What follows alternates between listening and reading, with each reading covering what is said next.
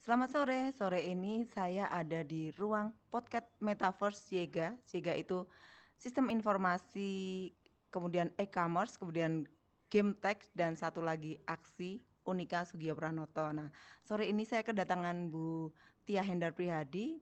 Bu Tia itu adalah ketua tim penggerak PKK Kota Semarang. Kebetulan juga kemarin baru saja mendapat penghargaan Satya Satya Lancana ya Bu ya dari Pak Jokowi. Iya, betul. Iya. Alhamdulillah.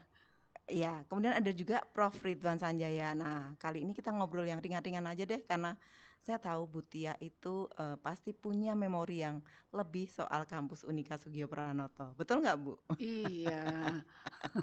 Sugio Iya. Pranoto itu penuh kenangan. Oke. Bu, eh, sebelum ke Prof. Ridwan, saya mungkin ke Bu Tia dulu. Bu, eh, ketika Iya. menginjak kampus Unika, pertama kali yang diingat Bu Tia apa, Bu? Eh, mungkin Iya. flashback eh, zaman dulu. Oke. Eh, jadi waktu itu tahun 90 saya mulai masuk kuliah dan kampusnya masih di bawah, masih di Jalan Pandenaran. Oke. Ya, seperti layaknya mahasiswa baru pasti senang bertemu dengan banyak eh, teman, teman yang baru, kemudian dosennya juga sangat luar biasa. Jadi eh, walaupun kadang-kadang orang bilang kalau kuliah berbeda dengan SMA. SMA itu kan eh, masa-masa yang Iya. indah gitu ya. Kalau saya melihat kuliah itu juga nggak kalah indahnya. Jadi teman-teman baik, dosen-dosen baik, kemudian kegiatannya juga menyenangkan gitu Mbak Uni. Oke. Ya, nanti saya akan mengulik apakah Bu Tia sempat nakal dalam tanda petik ya. Kalau teman-teman mahasiswa kan kadang-kadang bolos, kemudian eh, nyontek atau apa pun. Saya ke Prof. Ridwan dulu.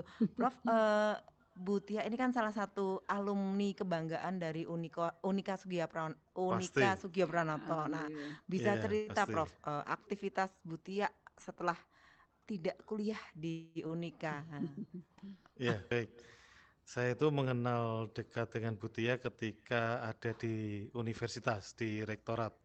Jadi Butia ini ketua Ikatan Alumni Unika Sugio Pranoto atau IKA Supra. Wow. Jadi menarik ini Iya, karena Butia keren. yang sudah sesibuk ini, istrinya Pak Wali Kota, tetapi mau jadi ketua Ikatan Alumni. Nah, biasanya, biasanya kalau di mana-mana itu kalau saya lihat yang namanya ketua ikatan alumni kalau pejabat itu pasti komunikasinya kurang. Biasanya kan aktivitas Hmm, di luar tinggi gitu kan. hmm, Tapi ternyata tidak. Ketika saya jadi rektor itu malah justru pertemuan-pertemuan dengan ketua hmm. ikatan alumni itu sering sekali terjadi. Ya pada masa pandemi memang sempat terhenti dua tahun itu. Tapi aktivitas dua tahun sebelum pandemi itu luar biasa. Kita bertemu beberapa kali di lantai tiga gedung Mikael yang di mana rektorat itu ada gitu. Nah ini kan menarik toh.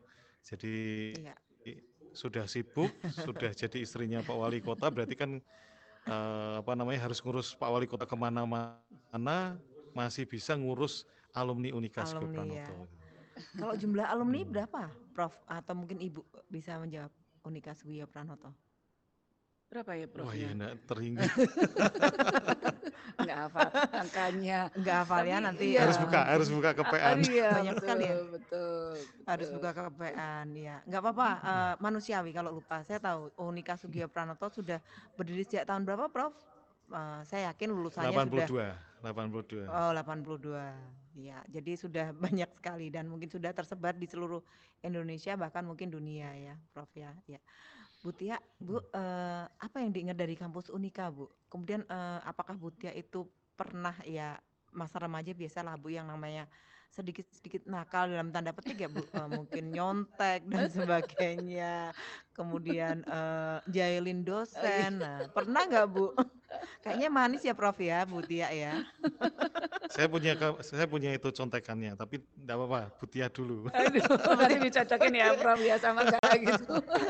Silahkan Prof nanti dibuka Prof eh, apa aib iya. dalam tanda petiknya Bu Tia. Silakan Bu. Iya, saya waktu kuliah ya seperti mahasiswa pada umumnya gitu ya. Saya juga nggak nggak tahu kalau akhirnya jadi istri wali kota. Jadi ya seperti pada umumnya. Kalau misalnya eh, teman-teman ngajak bolos, ya bolos gitu ya.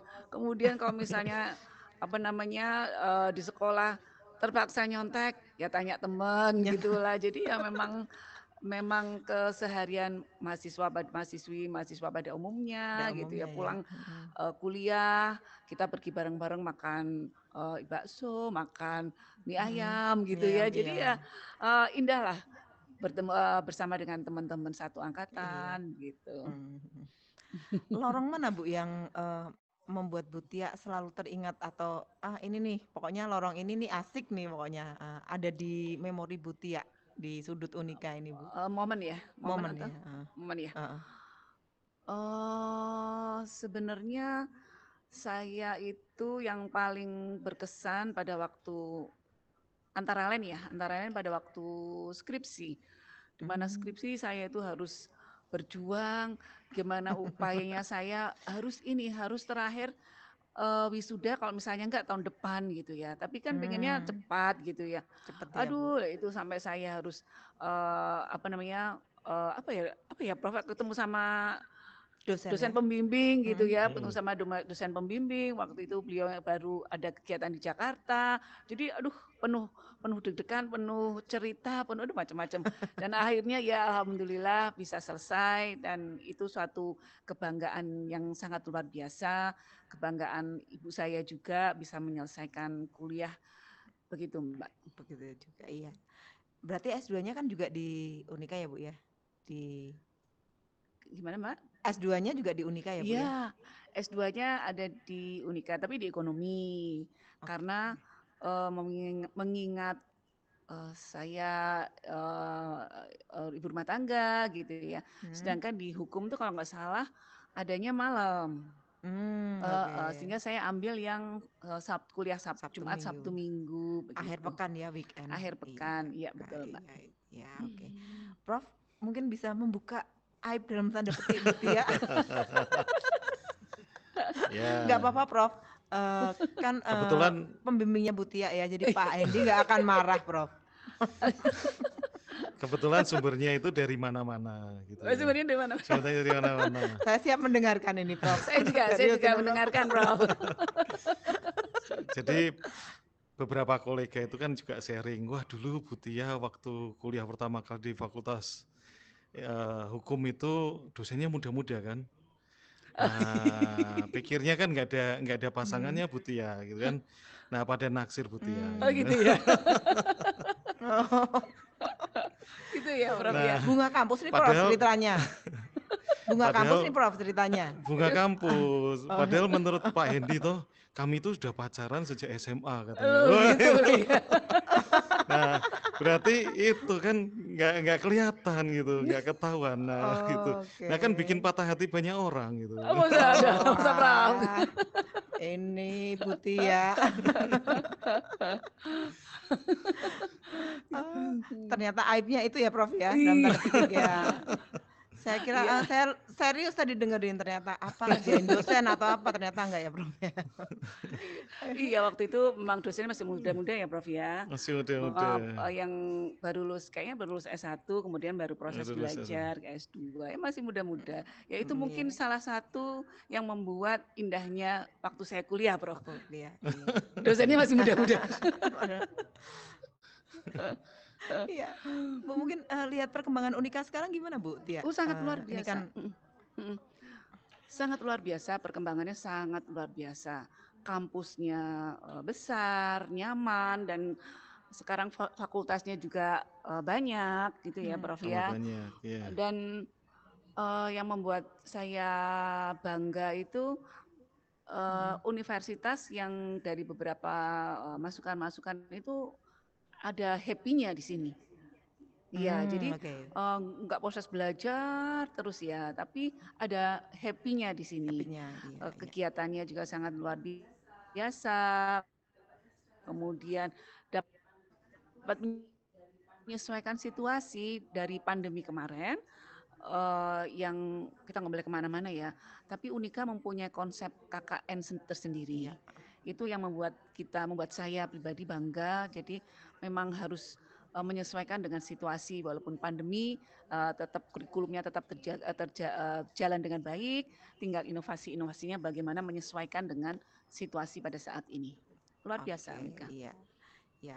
Prof, kalau eh, Bu Tia ini kan eh, tadi eh, ketemu Pak Hendi di Unika juga ya, Prof ya. Eh, Prof punya bocoran lain nggak, Prof? Soal Pak Hendi dan Bu Tia ini, Prof. Harus dibocorkan, Prof. Jangan sampai di sini aja, Prof. Ya, ya yang saya tahu itu sih. Tapi kan Oh, oke. memang dulu seperti yang disampaikan Bu Tia ya, eh, dosen itu kan tidak harus S2, jadi S1. Hmm. Begitu lulus langsung bisa jadi dosen.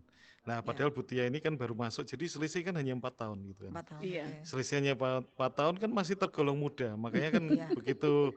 Karena banyak juga kejadian dosen dapat pasangan dari Dapat mahasiswanya itu juga Iya. juga ada gitu. Iya. Makanya kan ada kemungkinan-kemungkinan seperti itu gitu lah. Ternyata Iya. kan nggak tahu kalau ternyata eh, Pak Hendi sudah pacaran dari sejak muda gitu. Tapi Gitu. terlepas dari itu, akhirnya pasangan ini menjadi pasangan wali kota dan istri wali kota ya, Prof ya, dan Yang membanggakan Unika ya. membanggakan. Ya, yang Oke, membanggakan membanggakan. Unika bukan bukan Unika saja, tapi Iya. juga Semarang, bahkan mungkin Indonesia Semarang. ya. Ah, Indonesia, iya. Alhamdulillah. Ya, Iya, eh, salah satunya tentu Unika juga kan, Prof. Ya Iya, kan? Karena iya. lulusan Unika kan. betul Iya, betul. ya. Eh, mungkin sedikit beralih eh, dari nostalgia, Bu. Nah, kita eh, kemarin kan saya lihat Ibu Tia ini dapat penghargaan dari Pak Jokowi, kalau nggak salah Satya Lencana Wira Wira karya. Karya, Wira Iya. Karya. Hmm. Kemudian eh, Bu Tia juga Ketua Forum Kota Sehat Kota Semarang. Nah, mungkin bisa Hmm. cerita Bu eh, sedikit tentang Kota Sehat ini, Bu. Oh iya, ya. Jadi eh, mungkin informasi Mbak kalau mohon inf- informasinya ya, Mbak informasi saya Boleh Bu Ketua silakan. Forum Kabupaten Sehat Nasional Mbak. Nasional. Alhamdulillah kemarin waktu Wah, summit itu terpilih di tingkat nasional. Ya jadi eh, kota sehat itu memang kita melihatnya tidak hanya dari sisi sehat saja. Dalam arti sisi sehat badan begitu saja, tapi lingkungannya juga harus sehat, sosialnya juga harus sehat, kemandiriannya juga harus sehat.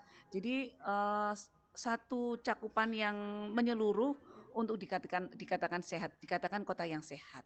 Nah, ini dasarnya adalah kes- eh, kesepakatan antara dua menteri yang Mhm. memberikan anjuran kepada kabupaten kota kabupaten kota yang ada di Indonesia untuk membentuk eh, forum kota sehat. Begitu Mbak Uni. Iya, oke. Ya. Ya, baik, Bu. Eh, Prof, mungkin bisa komentar soal eh, Kota Sehat Semarang, kemudian Ya. apakah bisa dimasukin eh, kalau Prof Ridwan kan spesialisnya IT ya, Prof ya.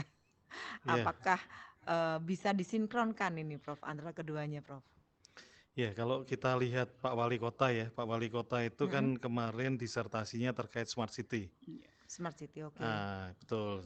Kemudian Bu Tia ini ada kemungkinan loh, ada kaitannya dengan Pak Wali gitu, karena karena sekolahnya S3-nya sama gitu. Oh iya. Oke. Lanjut S3 ini. Nah, Iya. Sementara Wah, Bu membanggakan Tia- sekali. Ya membanggakan sekali karena ternyata sekarang ini para birokrat ya dan keluarganya itu tidak hanya berhenti hanya sampai di Hmm. dunia politik saja, tetapi Melek juga sampai pendidikan ya, dengan Prof, ya? pendidikan yang tinggi Iya. ya gitu. Nah, kalau saya lihat dari Pak Wali yang di bidang smart city-nya untuk disertasinya, kemudian Bu Tia ini kemudian punya banyak penghargaan terkait dengan kota sehat ini sebetulnya sinkron. Ya, Hmm, di oke. dalam smart city atau kota cerdas itu ada yang namanya smart living. Oke. Jadi smart living itu Hmm. cerdas, ya kota cerdas terkait dengan kehidupannya, kehidupan masyarakatnya. Jadi tingkat kehidupan masyarakat itu menjadi lebih berkualitas dibandingkan sebelumnya. Nah, yang menarik ini kota Semarang ini kota yang adaptif. Jadi tidak Hmm, hanya sekedar ikut-ikutan saja, tetapi juga mempertimbangkan kalau memang bisa menggunakan yang saat ini ada dengan menggunakan yang saat ini aja gitu. Tapi kalau bisa menggunakan yang lebih baik ketika diteliti bisa menggunakan berbagai hal yang baru sekarang ya dipakai yang baru. Nah, ada juga yang hibrid gitu. Jadi kalau Hmm. misalkan kita melihat eh, penanganan stunting, Iya.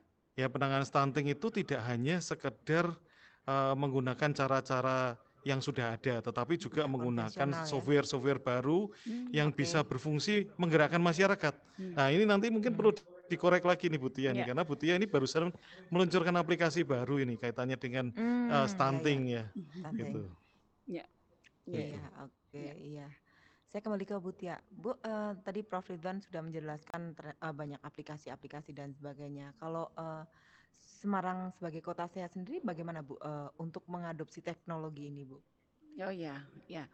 Uh, sebenarnya kayak misalnya stunting itu kami belum masuk ke aplikasi, Prof.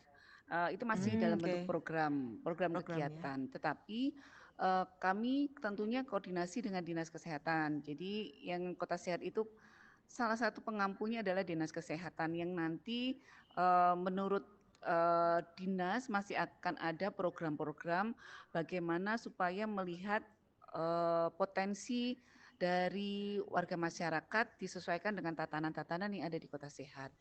Uh, semoga segera ya Prof ya segera supaya kita melihat hmm. gambaran hmm. dapat melihat gambaran gimana sih kota Semarang ini dalam menjalankan kota sehat ini Prof. Ya masih perlu yeah. panjang lagi, panjang, masih ya. perlu okay. Uh, eh, konsultasi, koordinasi dengan dinas-dinas terkait. Begitu Mbak. Iya. Oke. Okay. Kalau Prof Ridwan mungkin melihat Semarang sebagai kota sehat sendiri gimana Prof? Iya. Yeah. Uh, memang kota sehat ini kebetulan kalau di kota Semarang ini selain dinas kesehatan juga ada lagi Bu ya iya. yang uh, di KB ya dinas iya. pengendalian penduduk dan uh, keluarga berencana itu juga masuk. Uh, terlibat masuk iya. di dalamnya bekerja bersama gitu. Iya.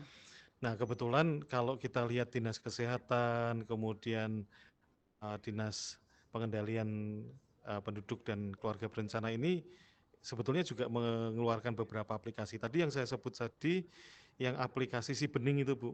Ya. Ya, yang uh, uh, mengusahakan untuk keterlibatan banyak masyarakat untuk biar sama-sama mengendalikan stunting gitu. Iya, betul, betul. Nah, menariknya kan di situ.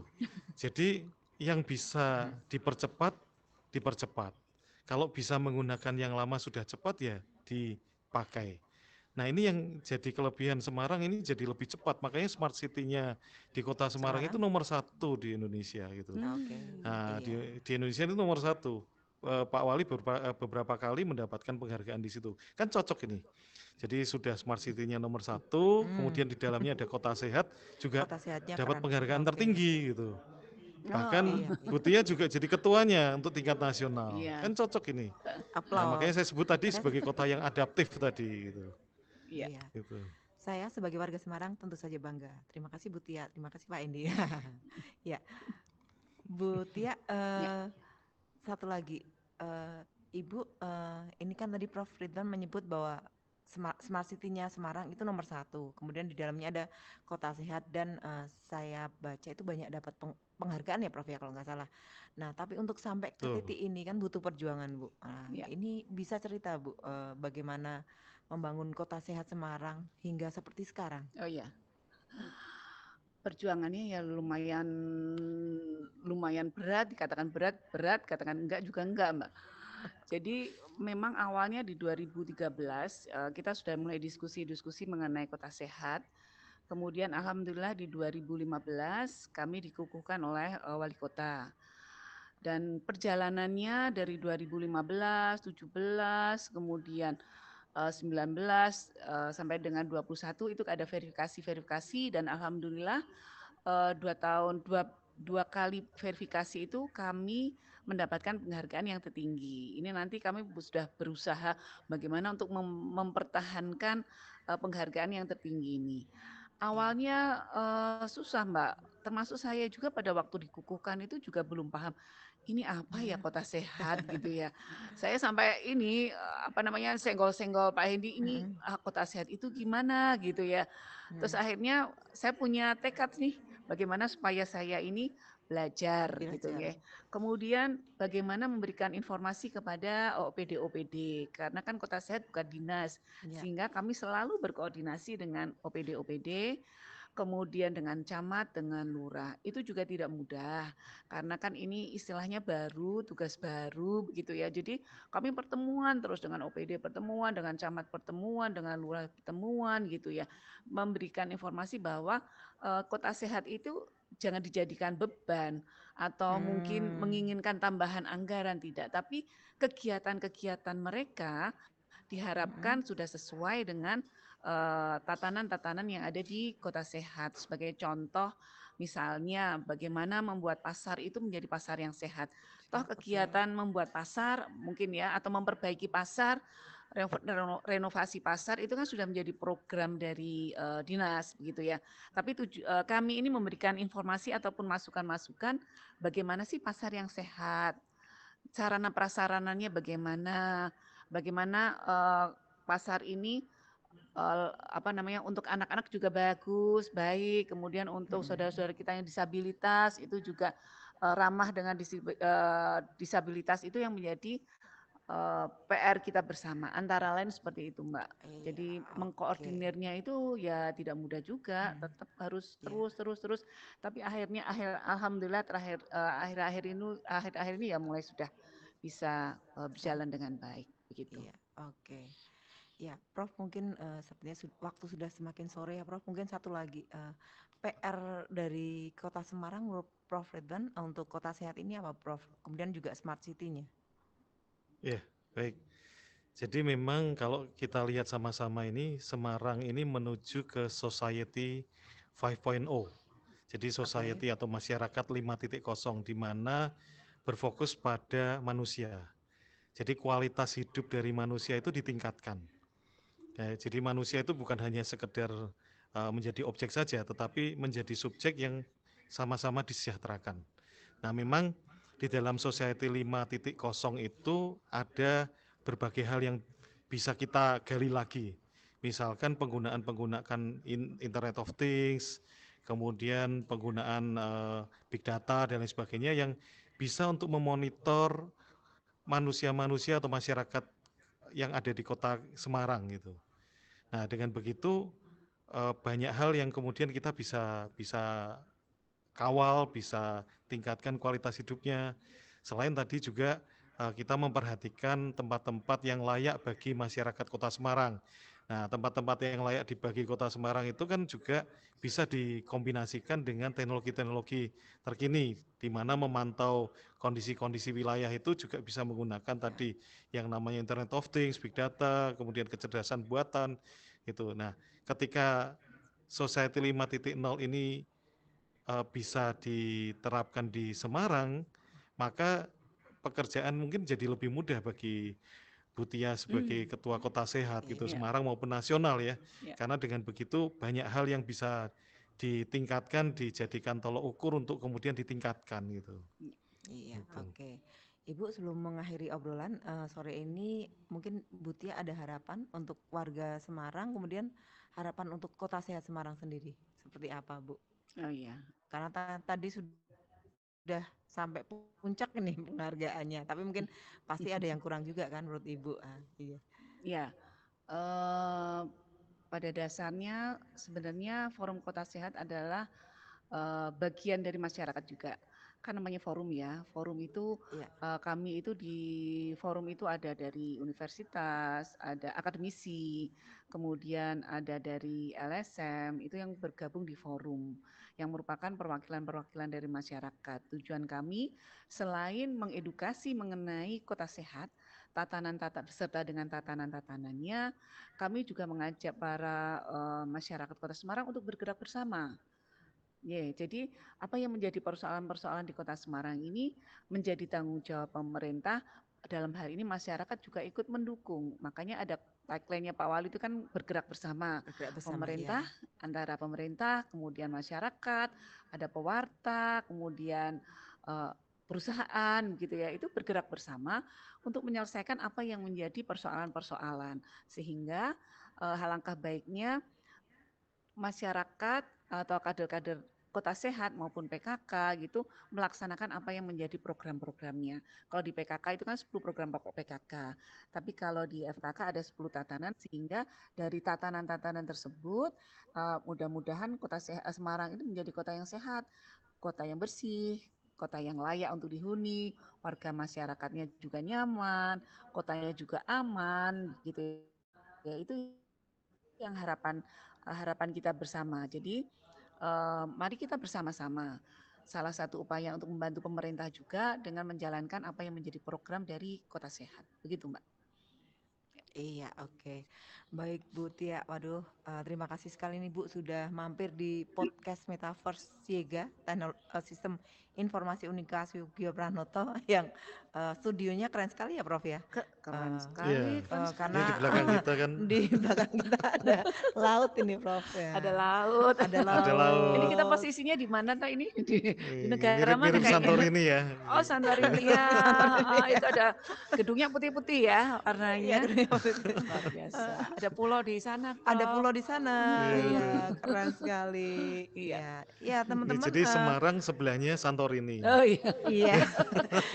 Jadi teman-teman yang nonton, eee, podcast kita, podcast Metaverse kita, sore ini kita ada di, eee, ruang podcast Metaverse yang, Iya. view-nya sangat luar biasa ini. Saya nggak tahu ini, eee, eee, studio seperti ini, di depannya kemudian di sana ada pulau-pulau seperti di. Santorini. Iya. Keren, keren, Mbak. Keren keren, iya.